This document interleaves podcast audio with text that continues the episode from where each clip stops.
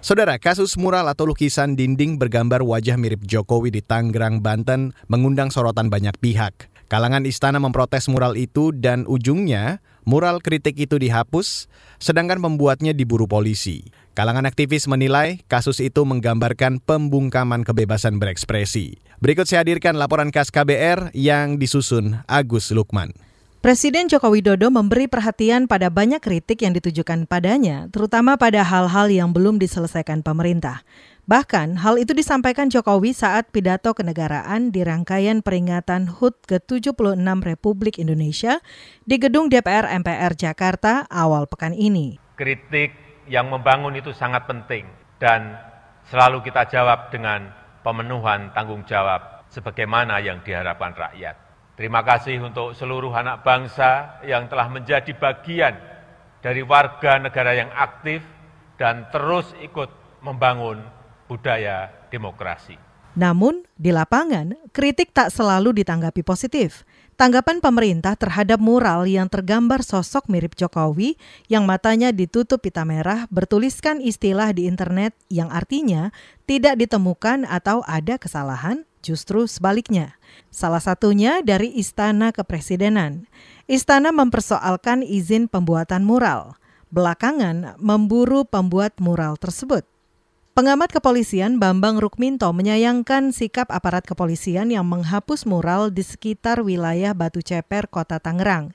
Menurutnya, mural itu tidak secara eksplisit menunjuk kepada Presiden Jokowi, sehingga pembuat mural tersebut tak seharusnya diburu oleh polisi.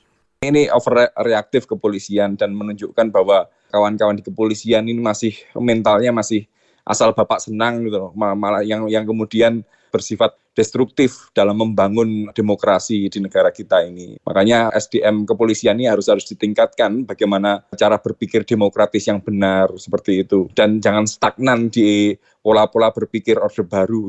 Bambang juga mengkritik polisi yang menyatakan Presiden Jokowi adalah lambang negara. Ia pun meminta kepolisian menyikapi tindakan pembuatan mural dengan lebih positif dan humanis, guna menghindari kehebohan yang tidak perlu di tengah pandemi. Sementara itu, Yayasan Lembaga Bantuan Hukum YLBHI menyatakan konstitusi menjamin masyarakat bebas menyampaikan pendapat di muka umum dalam negara demokrasi ini.